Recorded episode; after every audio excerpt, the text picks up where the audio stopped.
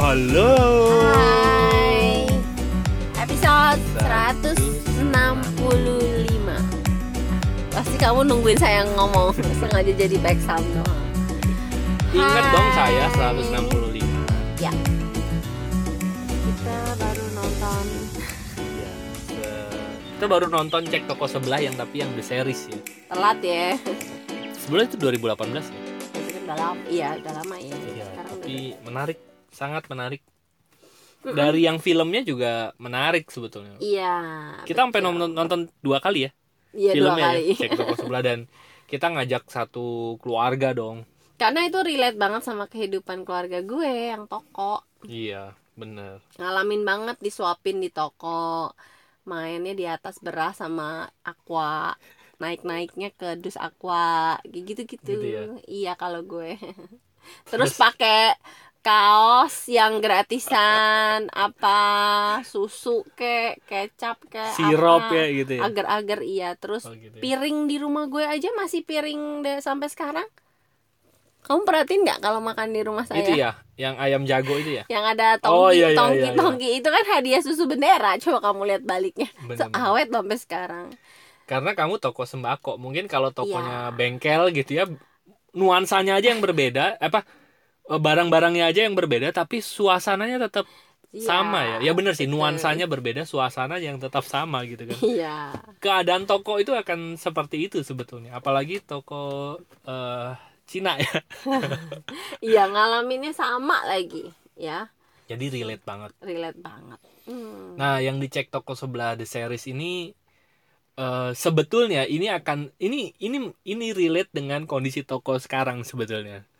Lagi Oh, masa iya. peralihan Karena antara sekarang itu tua kan dan muda ya. toko-toko kebanyakan diturunkan dari generasi kedua Iya. rata-rata ya Ya. dari dan generasi, kedua, ini diturunkan lebih- generasi ke generasi ketiga Iya, biasanya biasanya kan toko itu yang ngerintis kakek nenek gitu kan. Nah, kurang lebih 20 tahun yang lalu mungkin atau tu- 30 tahun yang lalu sudah mulai diturunkan ke anak ya, Eh, ya ya. notabene berarti papa mama kita lah ya gitu, Ya. om-om kita lah ya gitu, Betul. om tante kita. Nah, di masa-masa sekarang itu mulai diturunkan lagi ke generasi ketiga nih, cucu nih biasanya. generasi milenial milenial. Dan nah biasanya menariknya- ada perbedaan Iya. kalau dari dulu generasi kakek nenek ke anak mungkin nggak terlalu signifikan ya. parah ya ya. perubahannya mungkin gue juga nggak tahu juga tapi kayaknya nggak terlalu banyak nggak kayak sekarang gitu Karena teknologi zaman dulu belum semaju sekarang kan. bener ada banyak perubahan kayak eh, teknologi terus gaya Ya, cara gaya, pandang. gaya manajemen ya kayak gitu kayak gitu itu sering kali menarik sih kalau yang punya toko atau usaha yang sedang men bertransisi. ya bertransisi. Pasti banyak hal menarik yang bisa dikulik. Dan itu hubungan orang tua dan anaknya juga seru tuh. Seru seru. Bener-bener seru loh. Dan eh, setelah gua nonton cek toko sebelah di series ini ya itu berapa episode langsung dihabisin? Berapa tiga hari ini kali ya? Mm-mm, 12 12 episode gua kit kami habisin 13 eh tiga hari ini. Dan gue pikir eh gue pribadi ya melihatnya adalah ada hal-hal yang tidak bisa digantikan oleh teknologi betul teknologi itu membantu, Membantu.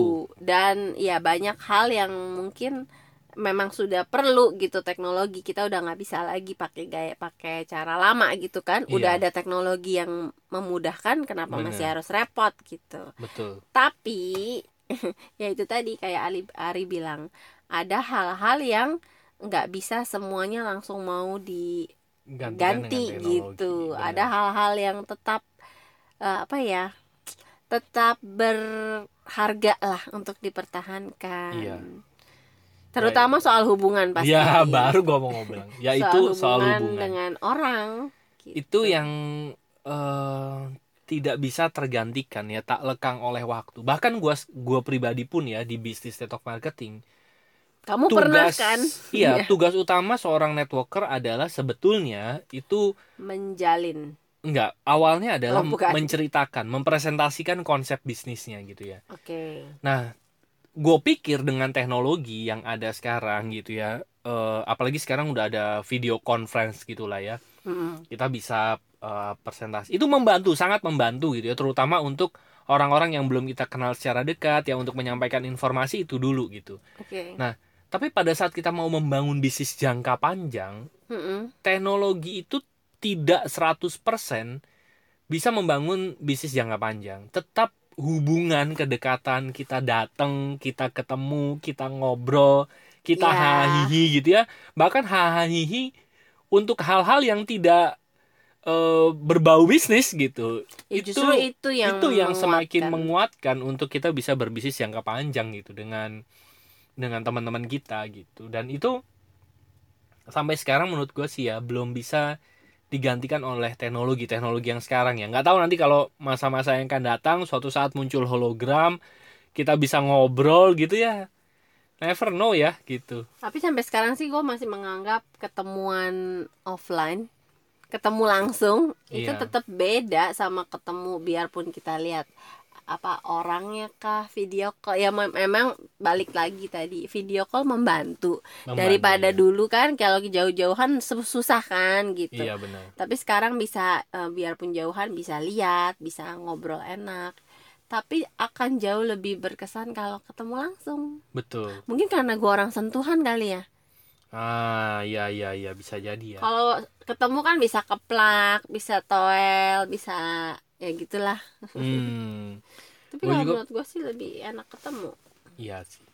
Dan banyak hal-hal yang bisa diperbincangkan pada saat ketemu yang tidak mungkin dilakukan pada saat eh, online gitu ya. Biasanya kalau online kita lebih fokus pada tujuan ya. Ya informatif aja gitu. Tapi kalau offline kan bisa sambil belok-beloknya banyak ya. Iya. Dan sebenarnya itunya yang asik. Itu yang seru. Sebenarnya di cek toko sebelah yang The Series ini mereka cerita sih bahwa benar gitu kalau kita mengukur produktivitas di zaman sekarang ya kita mengukur produktivitas mengukurnya untung gitu itu teknologi sangat membantu gitu. Tapi ada eh, ada beberapa hal-hal humanis yang di di apa ya disingkirkan gitu Eh, sedikit diabaikan oleh teknologi padahal sebagai makhluk sosial kita kan manusia sebagai makhluk sosial yang kita bisa berinteraksi dan kita punya emosi Yes. itu salah satu kelebihan kita sebetulnya yaitu berinteraksi dengan menggunakan emosi gitu dengan Iya. menggunakan rasanya dan itu yang tidak bisa digantikan belum bisa lebih tepatnya digantikan oleh teknologi sekarang nah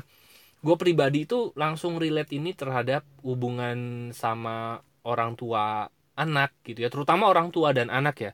Apalagi anak-anak zaman sekarang yang cenderung lebih ke informatif bukan sisi rasa gitu yang dibangunnya gitu. Maksudnya? contohnya misalnya gini mereka cuman sekedar mengabarkan informasi aja mungkin karena sisi rema- masih remaja masih anak-anak gitu ya. Mereka belum kepikiran untuk membangun menjalin emosi juga gitu. Hmm. biasanya kalau anak-anak ya ngobrol sama orang tuanya orang ya cuman sekedar udah makan belum? Udah gitu.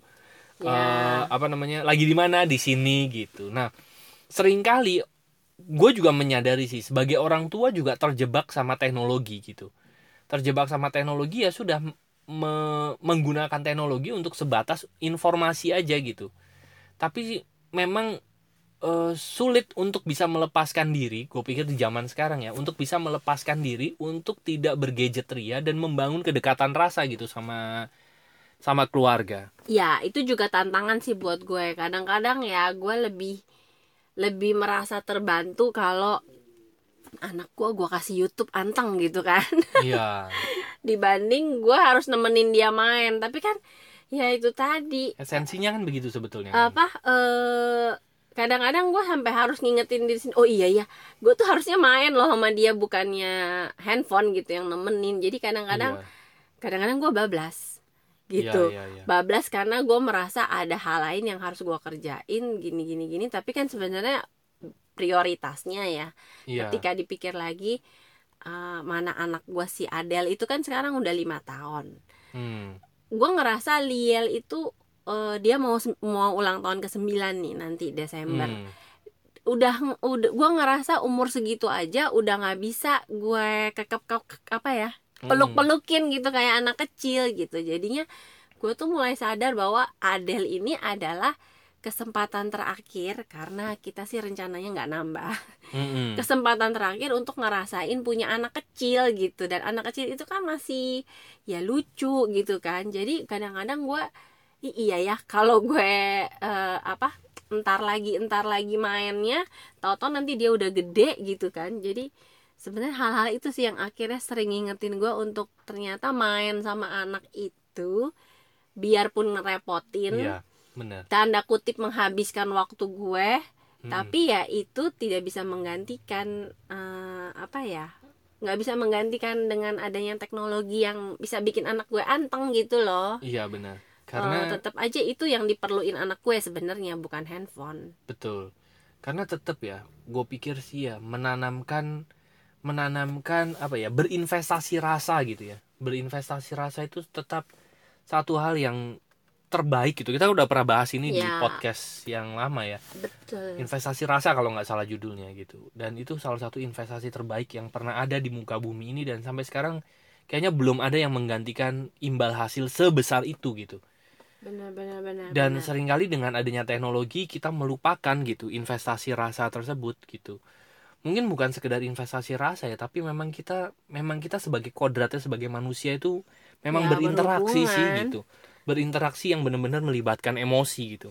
Betul sekali. Dan karena kita melibatkan emosi itulah yang menjadi memori-memori yang nanti di- dikenang gitu.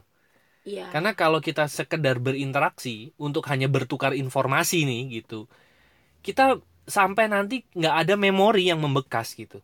Seringkali ya nih kalau kita kita kita review ya sekarang aja.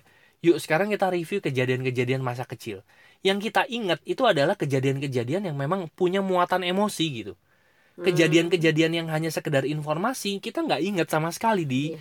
di pikiran kita. Makanya gue pikir membangun interaksi berdasarkan emosi itu benar-benar sesuatu yang nanti bisa Penting. kenang kita kenang gitu di di masa yang akan datang gitu. Dan itu betul sekali. bahkan bisa berdampak bisa eh, kembali lagi ke kita. So- karena someday kalau itu hubungan antara orang tua dan anak gitu ya someday kita udah tua gitu ya anak pasti akan ingat oh dulu gue punya memori-memori indah sama orang-orang orang tua gue gitu ya.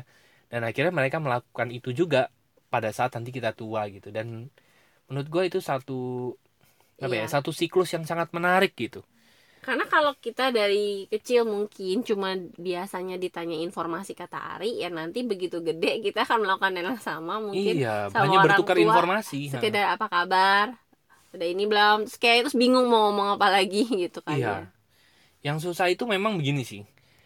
Pada saat kita sudah ada kedekatan hati nih gitu ya, kita sudah bisa ngobrol dengan emosi gitu. Kita bisa ngobrol berjam-jam itu tanpa kehabisan materi gitu. Iya. Dan nggak tahu itu keluar aja gitu karena memang hati kita udah deket aja gitu. semua semua jadi bisa diceritain kadang gue bingung iya ya ada orang yang kita kalau deket sama dia itu kayak apa aja bisa diomongin dari hal yang nggak penting sampai yang penting Iya. tapi ada juga orang yang kalau kita deket sama dia kayak nggak ada topik gitu Bener. Jadi ya udah ngobrol itu sebatas pertukaran informasi aja gitu. hmm. nggak nggak membangun bener-bener kedekatan emosi gitu itu yang gue gue juga menyadari juga sih ya terutama gara-gara nonton tadi ya cek toko sebelah the series itu ya. Hmm. mungkin kalau yang belum nonton nonton deh. Nanti Nah, mungkin kita makin beneran. relate gitu ya. Kayak iya bener sih. Makanya gue kadang-kadang suka tanda kutip memaksa diri gue untuk dengerin Liel cerita. Karena Iya. Liel cerita itu kan dia kan eh, anak gue yang gede ini udah ya tadi umur sembi, mau sembilan. Dia tuh bisa cerita macem-macem banget. Yang sebetulnya nggak terlalu relate sama kita gitu. Jadi gue pikir ya kalau dengerin lihat cerita itu eh, cukup sulit untuk memahaminya gitu. Dari nggak bola menarik topiknya. dari bola dari film. Dan kalau dia nyeritain film dia bisa loh nyer- eh, nyeritainnya tuh dengan mengulang adegan. Jadi dia ngomong ini terus nanti orangnya ngomong ini ngomong ini. Berarti kan gue harus sebisa mungkin gimana ya masuk. Dan akhirnya gue merasa terhibur dan kadang-kadang kan nggak cuma ketawa-ketawa doang tapi kan gue harus Iya. nanya balik gitu kan benar benar harus nanya balik supaya dia juga ngerasa oh iya gue ada di percakapan itu gitu bukan Iya. cuma sekedar dengerin selewat gitu kadang-kadang itu sih yang eh, gue sekarang lagi ngerasa oh ternyata dengerin anak itu ada seninya juga gitu Iya, benar. Gue sih sepakat ya. Dan itu benar-benar kita perlu menyediakan hati, menyediakan waktu, bahkan menyediakan, ya benar menyediakan hati mungkin lebih tepat. kalau Ari plus menyediakan kuping karena dia suka nggak nangkap dia ngomong apa Iya, karena Lial itu kan kebiasaan ngomongnya cepet banget gitu. ya ngomongnya cepet Eh, Dan dia ngomong bahasa Indonesia aja, itu cepet banget ngomongnya. Jadi gue eh, gue harus benar-benar memperhatikan dia gitu. kamu harus belajar mm, live in present. Kalau sama. Emang iya gitu. sama Lia. Dan karena nggak bisa disambi beneran. Kalau disambi tahu-tahu ah apa kok ngomong apa tadi? Gitu. Iya, anak kan bisa kesel ya kalau berkali-kali ditanya gimana kok? Terus dia misalnya udah selesai satu cerita terus karena kita karena kita nggak nangkap terus kita jadi nggak ketawa sih gitu ya. padahal harusnya lucu gitu. Gara-gara kita nggak dengar terus kita kan mami dengerin gak sih? Terus ah oke. Iya, itu udah. betul. eh, ya kayak begitu. Bener. Dan momen-momen ini momen-momen yang ya gue pikir sih ya setiap hari setiap waktu gitu ya momen itu selalu berharga gitu. Dan momen-momen itu sangat sulit untuk digantikan dengan teknologi. Mungkin bagi teman-teman yang eh, LDRan gitu ya yang entah suaminya jauh anaknya juga jauh mungkin teknologi sangat membantu untuk menikmati momen saat ini gitu benar dan sebetulnya yang dituju itu bukan masalah teknologinya, bukan pakai teknologi atau enggak. Sebetulnya kita bisa menikmati nggak sih setiap momen yang terjadi dalam kehidupan kita gitu. Kalau tadi gue bilang gitu, kalau jauh-jauhan, lagi jauh-jauhan, video call itu sangat sangat sangat membantu untuk menyambung rasa gitu. untuk mendekatkan Untuk mendekatkan itu sangat membantu teknologi gitu. Cuman kalau tapi tetap Itulah. beda rasanya pada saat video call dan pada saat nanti kita ketemu itu juga rasanya juga akan sangat berbeda Kayaknya gitu. aku pernah baca tagline di mana ya ada teknologi itu untuk mendekatkan yang jauh, Ya, bukan menjauhkan yang, dekat. Di mana ya? gitu. Iklan apa apa itu ya? Lupa. Ya, ada karena gitu kan. sering kali gitu. Pas yang malah menjauhkan yang deket, yang harusnya ngobrol. Iya benar. Eh, ini gue sih kalau Ari kan lebih mikirnya ke soal bisnis kan, tapi kalau gue ya biasa, emak-emak gue mikirnya gue sama anak-anak gimana gitu. Seringkali iya sih, gue merasa sering kali nyaman dengan ya udah gue bisa main handphone, anak-anak juga main apa kayak main tab, main apa gitu ya. Tapi kan harus dibatasi.